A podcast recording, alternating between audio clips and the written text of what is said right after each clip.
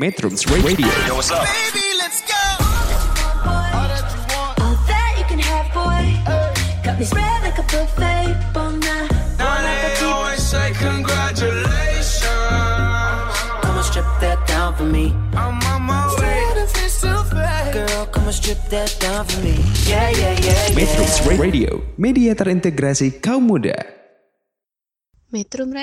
メディアと terintegrasi kaum muda dalam ズメトロノームの皆さん、元気ですかこの時間は日本の日常、ジパンサーリハリをお届けいきます。日本の日常、ジパンサーリハリのプログラムですね。日本語だけじゃなくて、日本の文化や日本の生活を伝えていきたいと思います。メトロブラディオの花なんですが、今日も最後までゆっくり楽しみに聞いてくださいね。Halo, apa kabar? Nihon no Nichijou, Jepang sehari-hari akan menemani metronom selama satu jam ke depan untuk membagikan informasi mengenai budaya, bahasa, dan bagaimana sih kehidupan di Jepang. Bersama saya Hanan yang akan menemani metronom, mari kita mulai. Hajimemashou.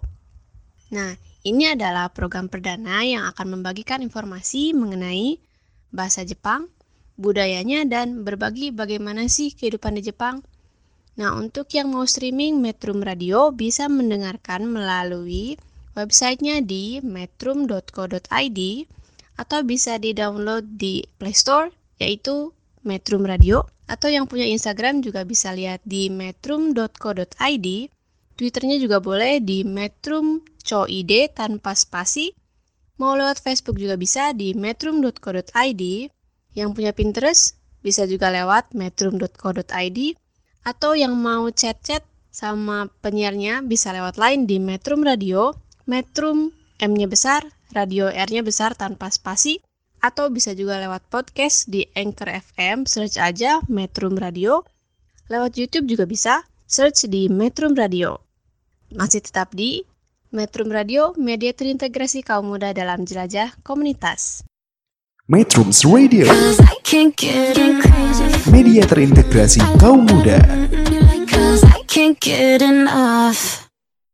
Masih di Metrum Radio, media terintegrasi kaum muda dalam jelajah komunitas. Nah, untuk metronom yang pengen nih mulai belajar bahasa Jepang, hal paling awal nih yang wajib untuk dipelajari adalah aksaranya. Kenapa?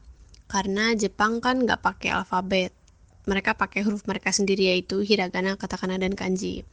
Nah, maka dari itu, tema kita pada hari ini adalah mengenai hiragana, katakana, dan kanji. Apa sih bedanya? Terus cara nulisnya gimana sih? Terus kapan sih digunakannya? Sejarahnya gimana munculnya? Nah, jadi secara singkat, em, Jepang itu sebelum masuk ke abad pertama mereka nggak punya nih bahasa tulisan. Tapi setelah abad 1, masuk abad 1 atau abad 2 kira-kira, mulailah diperkenalkan aksara China.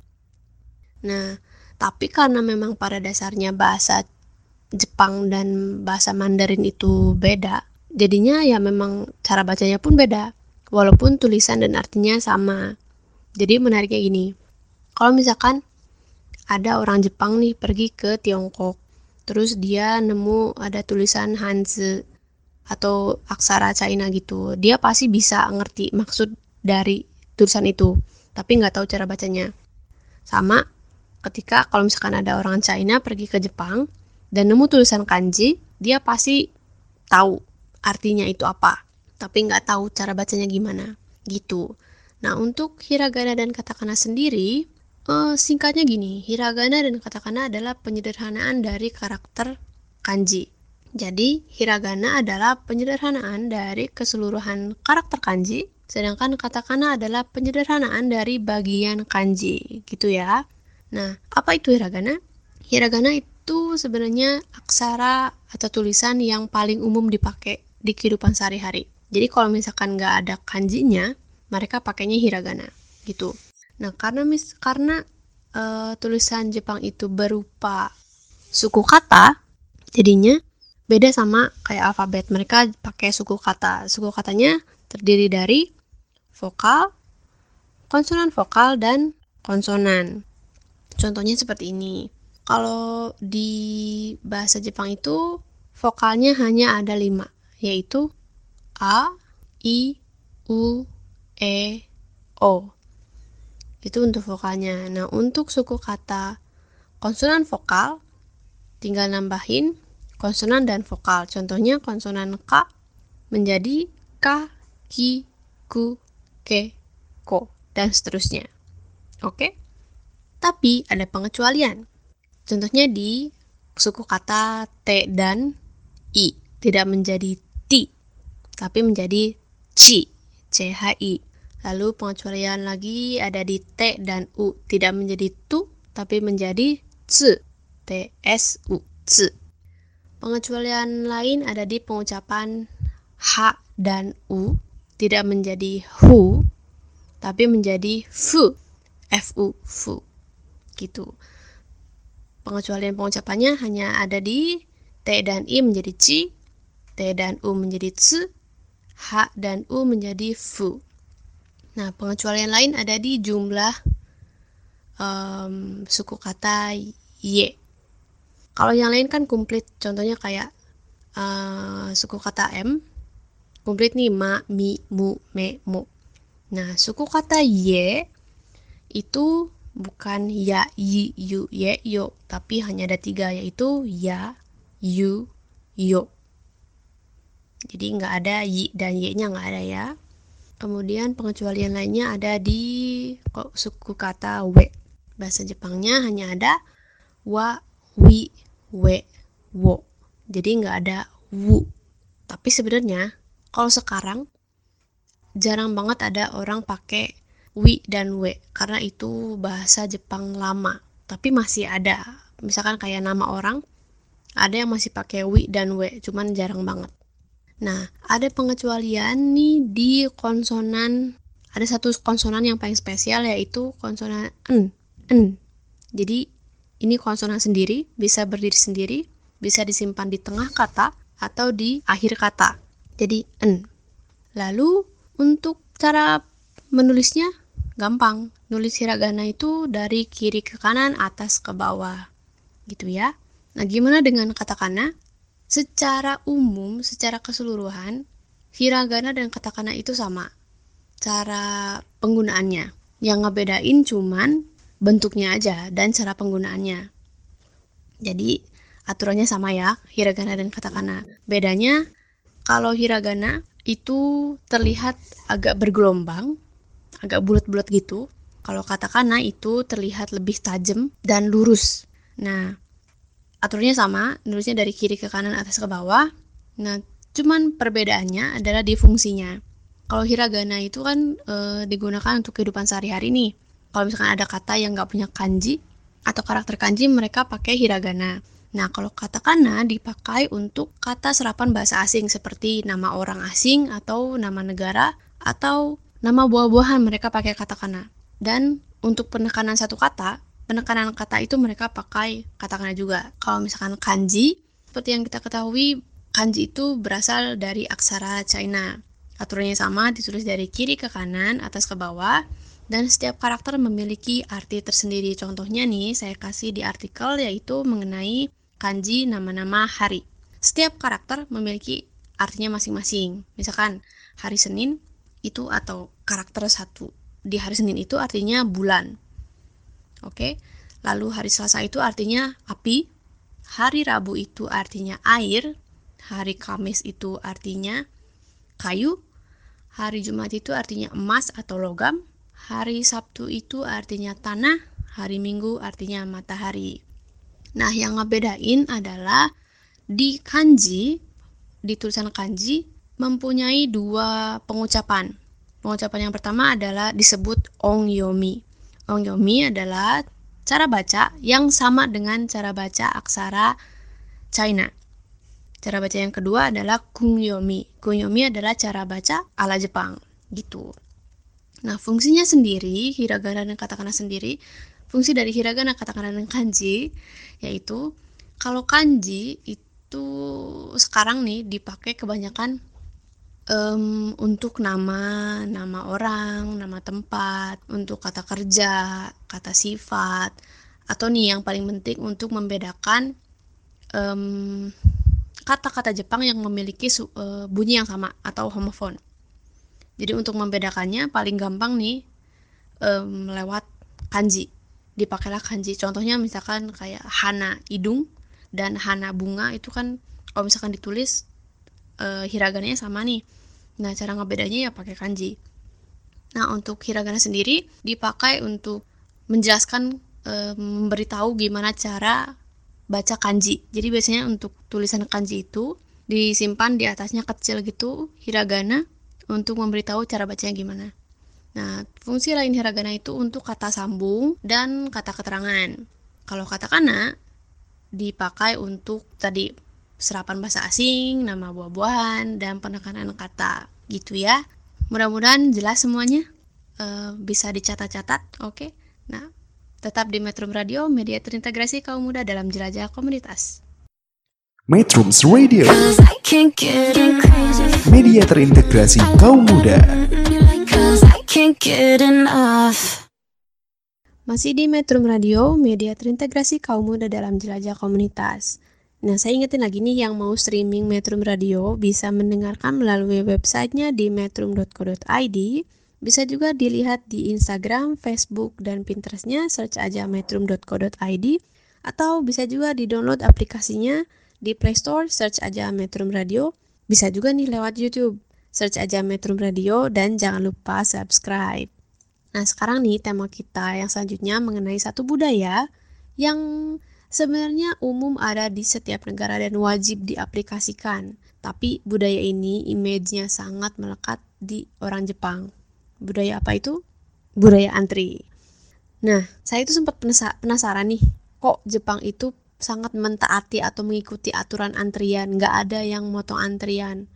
Kok bisa? dan gimana caranya saya nanya ke teman saya yang orang Jepang nah kata dia jadi orang Jepang itu secara umum paling nggak mau ganggu kenyamanan orang lain.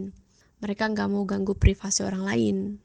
Karena mereka pun nggak mau diganggu privasinya dan nggak mau diganggu kenyamanannya. Maka dari itu ketika mereka mengantri mereka kan mempunyai space-nya masing-masing. Ketika ada orang lain yang menyerobot pasti merasa tidak nyaman karena privasinya diganggu dan kenyamanannya diganggu. Maka dari itu mereka sangat nggak mau menyerobot karena mereka sendiri nggak suka diserobot gitu. Simpel banget sih sebenarnya.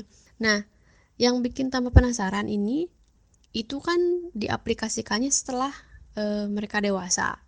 Ini eh, pemikiran seperti itu sejak kapan? Atau budaya seperti itu diajarkannya sejak kapan? Nah, ternyata budaya antri itu diperkenalkan sejak TK. Jadi di TK-TK Jepang itu anak-anaknya itu jarang atau nggak ada yang diajarin untuk TK ya, nggak ada yang diajarkan baca tulis. Jadi di TK itu ketika orang tua mengirimkan anak-anaknya ke TK, mereka mengharapkan anak-anaknya diajarin tata krama dan sopan santun, bukan untuk baca tulis. Jadi baca tulis itu nanti. Jadi di TK itu diajarin ilmu dasar mengenai tata krama. Salah satunya itu tentang mengantri. Jadi di TK-TK Jepang itu ketika mereka mau cuci tangan mereka harus antri, sampai mau buang sampah pun mereka harus antri. Dan banyak juga nih anak-anak TK yang dibawa ke jalan oleh guru-gurunya untuk diperkenalkan fasilitas umum dan cara menggunakannya. Diajarin juga cara mengantri, cara menyeberang jalan, jadi ketika masih TK itu mereka udah diperkenalkan budaya mengantri. Tapi sebenarnya namanya anak kecil mereka ya karena diajarin mengantri ya mereka antri-antri aja tanpa tahu tujuannya itu apa. Nah setelah mereka dewasa dan melihat lingkungan sekitar, barulah mereka ngerti oh iya memang yang diajarin ketika kecil itu memang ha harus diaplikasikan ke kehidupan nyata karena lingkungan sekitarnya memang harus seperti itu. Harus mengantri, harus menghargai setiap orang, menghargai kenyamanan setiap orang. Jadi diajarkanlah sejak TK supaya si anak-anak itu nggak kaget. Nah, di Jepang itu seperti itu. Nah, untuk antri sendiri, ada banyak cara-cara antri yang saya temuin nih di waktu saya di Jepang. Ada beberapa cara, salah satunya itu pakai nomor antrian kayaknya di, di Indonesia juga pakai udah pakai ya pakai nomor antrian gini kalau di Jepang itu eh, antri pakai nomor antrian biasanya dipakai di bank atau di kantor pos. Cara antri yang lain itu pakai papan penunjuk antrian dan lama antrian. Nah, cara seperti ini biasanya dipakai untuk ngantri di restoran atau di toko-toko. Jadi, ketika ngantri itu ada satu staff khusus yang membawa papan antrian yang nulis, yang tertulis, antrian terakhirnya ada di sini loh. Jadi yang mau antri silahkan lanjutin dari sini dan di papan itu juga ditulis selama antriannya misalkan berapa menit atau berapa jam. Nah, tempat yang paling banyak orang antri itu selain restoran adalah di toilet. Nah, cara antri toilet di Jepang ini sangat efisien menurut saya.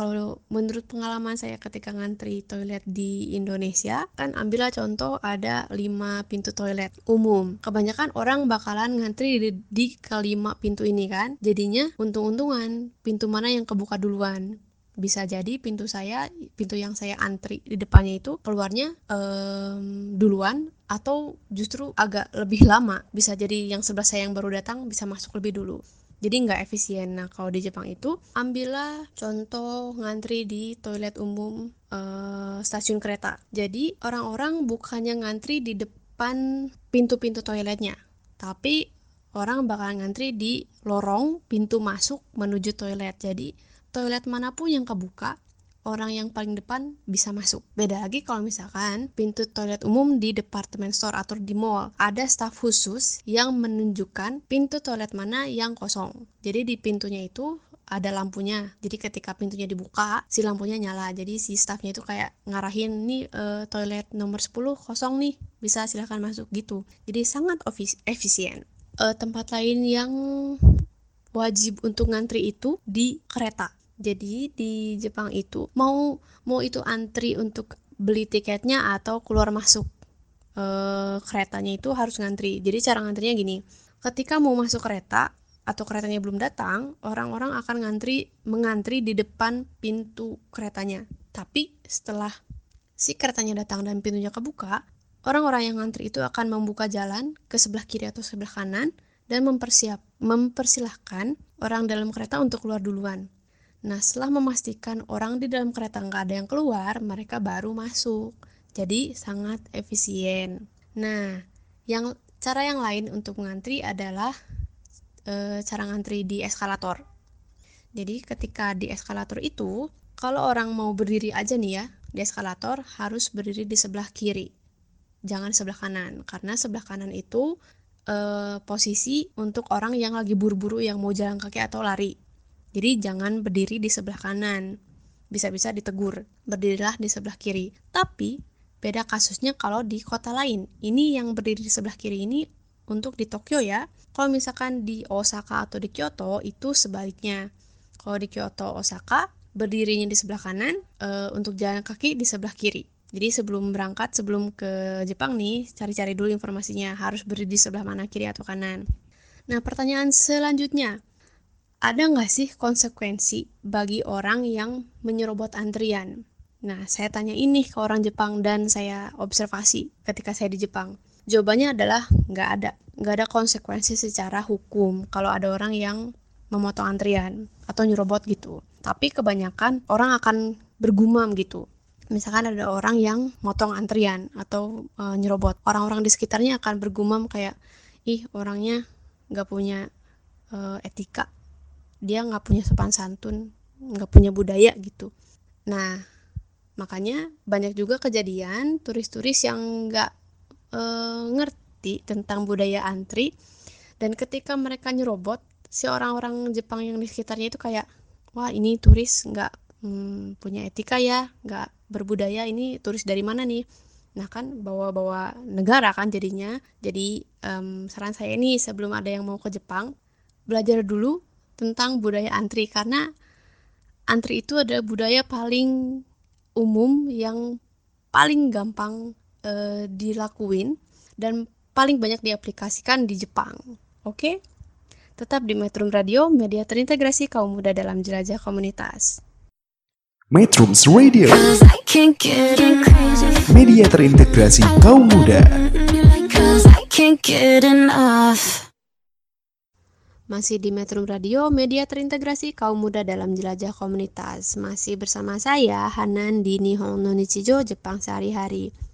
Kali ini saya mau membagikan berita mengenai apa sih yang terjadi di Jepang selama seminggu terakhir dan yang saya temukan adalah ada berita yang dilansir dari lam, the, laman The Mainichi ada kasus kriminal yang menurut saya cukup menarik untuk dibahas yaitu ada seorang kepala divisi identifikasi kantor polisi pusat di Prefektur Nara. Dia dicurigai telah mencuri satu batang jagung dari kebun seorang warga. Kejadian ini terjadi di kota Kasihara di Prefektur Nara. Jadi kejadiannya pada malam hari ada seorang pria dalam keadaan mabuk, dia mencuri jagung dari kebun warga yang sudah dipanen. Nah, Kasus pencurian tersebut dipergoki oleh seorang warga dan dia melapor ke kantor polisi. Nah, setelah dicari tahu eh, diinvestigasi tentang kasus pencurian ini, ternyata si pencuri jagung ini adalah seorang yang memiliki jabatan di kantor polisi tersebut. Awalnya, si pencuri jagung ini yang ternyata adalah kepala divisi identifikasi kantor polisi pusat ini, dia mengelak atas tuduhan tersebut tapi setelah ditunjukkan bukti dan saksi ya dia nggak bisa mengelak dan dia mengakui kesalahannya. Dia bilang mungkin pada saat itu dia mabuk. Tapi untuk mempertanggungjawabkan kesalahannya dan dia merasa malu dia rela dengan dan suka rela e, mengundurkan diri dari posisinya sebagai kepala divisi identifikasi kantor polisi pusat di prefektur Nara Nah, si kasus ini tersebut masih dibahas, masih diproses. Proses hukumnya masih berlanjut. Apakah dia harus membayar denda atau harus dipidana atau mungkin damai dengan pemilik kebun masih belum tahu karena masih diproses. Nah, yang perlu kita lihat di sini adalah kasus seperti ini tidak hanya satu atau dua kali terjadi di Jepang. Banyak kasus di mana Seseorang yang terbukti terbukti bersalah dengan sukarela mengundurkan diri karena di Jepang sendiri kalau dilihat dari kasus pencurian jagung ini bukan um, mempermasalahkan apa yang dia curi atau berapa jumlah yang dia curi atau nominal yang dia curi bukan itu tapi kenyataan dan fakta bahwa dia mencuri yang harus dibahas dan harus dipermasalahkan dan itu yang harus dipertanggungjawabkan. Mungkin kalau misalkan Pak polisi ini sebenarnya bisa aja mengelak atau memberikan alasan. Toh yang dia curi hanya satu batang jagung yang kalau diganti dengan uang, dia bisa ganti berapa ratus kali lipat. Karena satu batang jagung mungkin sekitar 100 atau 200 yen paling mahal. Tapi dia nggak ngomong seperti itu. Dia langsung mengakui kesalahannya dan mengundurkan diri karena memang itu etikanya. Dan uh, dia mengaku kesalahannya. Jadi bukan apa yang dia curi tapi apa yang dia lakukan yang harus dia pertanggungjawabkan. Nah, di sisi lain, apa yang terjadi di Indonesia adalah menurut sumber dari laman Republika, penetapan tersangka korupsi pada kepada wali kota Tasikmalaya Budi Budiman oleh KPK tidak lantas membuatnya langsung berhenti atau dipecat dari jabatannya sebagai kepala daerah.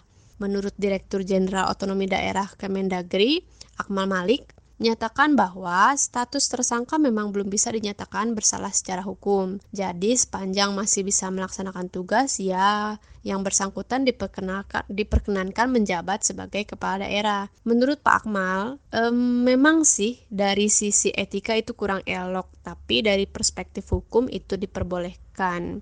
Setelah membaca berita ini, kita um, yakin bahwa Indonesia masih perlu banyak belajar mengenai etika dan keelokan. Hmm, di sisi di dari hal ini dari sisi ini mungkin Jepang lebih baik dari sisi etika. Um, tapi saya nggak nggak mau bilang bahwa Jepang e, semua hal tentang Jepang itu baik. Tapi kalau misalkan ada hal yang baik dari Jepang yang bisa kita tiru, kenapa kita nggak pelajari itu. Jadi ketika kita belajar budaya negara lain, bukan berarti kita mengagungkan budaya tersebut tapi dan menjelek-jelekkan budaya sendiri, tapi mengambil budaya yang baik untuk kita tiru. Gitu. Saya yakin Indonesia bisa menjadi negara yang lebih baik kalau misalkan kita mengikuti aturan atau etika yang secara umum um, mudah sebenarnya untuk diikutin seperti yang dilakukan oleh uh, Bapak Kepala uh, Divisi Polisi tersebut yang dia mencuri jagung, sebatang jagung dan mempertanggungjawabkan kesalahannya dengan mundurkan diri dan menunggu proses hukumnya. Oke, tetap di Metro Radio, media terintegrasi kaum muda dalam jelajah komunitas. Metrums Radio, media terintegrasi kaum muda. Can't get enough. Masih di Metro Radio, media terintegrasi kaum muda dalam jelajah komunitas. Untuk tema kita yang sudah dibahas hari ini mengenai hiragana, katakana, dan kanji, mudah-mudahan semuanya jelas ya. Untuk secara singkatnya nih, em, jadi kanji itu adalah eh, aksara Jepang yang digunakan sehari-hari untuk menuliskan nama orang, nama tempat, kata kerja, kata sifat, dan membedakan kata-kata bahasa Jepang yang memiliki bunyi yang sama atau homofon. Kalau hiragana sendiri adalah hiragana yang paling umum yang digunakan untuk eh, menjelaskan atau memberitahu cara menulis kanji. Terus fungsinya hiragana juga sebagai partikel dan untuk eh, kata sambung atau kata keterangan. Untuk katakana sendiri digunakan untuk kata serapan bahasa asing, nama kota, nama negara, dan kalau misalkan menuliskan bahasa eh, nama buah-buahan pakai katakana juga. Nah, ada pengucapan berbeda nih dari hiragana dan katakana untuk suku kata T dan I menjadi Ci, T dan U menjadi Tsu, F dan U men- H dan U menjadi Fu. Oke, untuk yang ketinggalan tema hari ini bisa mendengarkan langsung melalui podcast Metro Radio di anchor.fm FM, sorry, anchor.fm search aja Metrum Radio dan bisa juga di search di websitenya di metrum.co.id atau download juga eh, aplikasinya di Play Store di Metrum Radio bisa juga lewat Instagram dan Facebooknya di metrum.co.id, Facebooknya juga metrum.co.id, kalau Twitter di metrum.co.id tanpa spasi, Pinterestnya bisa di metrum.co.id, lainnya juga boleh di Metrum Radio tanpa spasi, Metrum M-nya besar, radio M R-nya besar, atau bisa juga lewat YouTube di Metro Radio. Jangan lupa subscribe. Nah, setelah ini saya mau membagikan peribahasa Jepang yang mudah-mudahan bisa memberikan semangat, yaitu Nana Korobi Yaoki, yang artinya tujuh kali jatuh, delapan kali bangun. Oke, eh, kyo saigo made kite kureta arigatou gozaimashita. Mata aimashou ne. Sekian dari saya Hanan, sampai ketemu lagi di Nihon no Nichijo Jepang sehari-hari selanjutnya. Semoga kita bisa bertemu lagi. Stay tune di Metro Radio, media terintegrasi kaum muda dalam jelajah komunitas. Metrums Radio, Baby, let's go. All that you can have, boy. Got me spread like a buffet.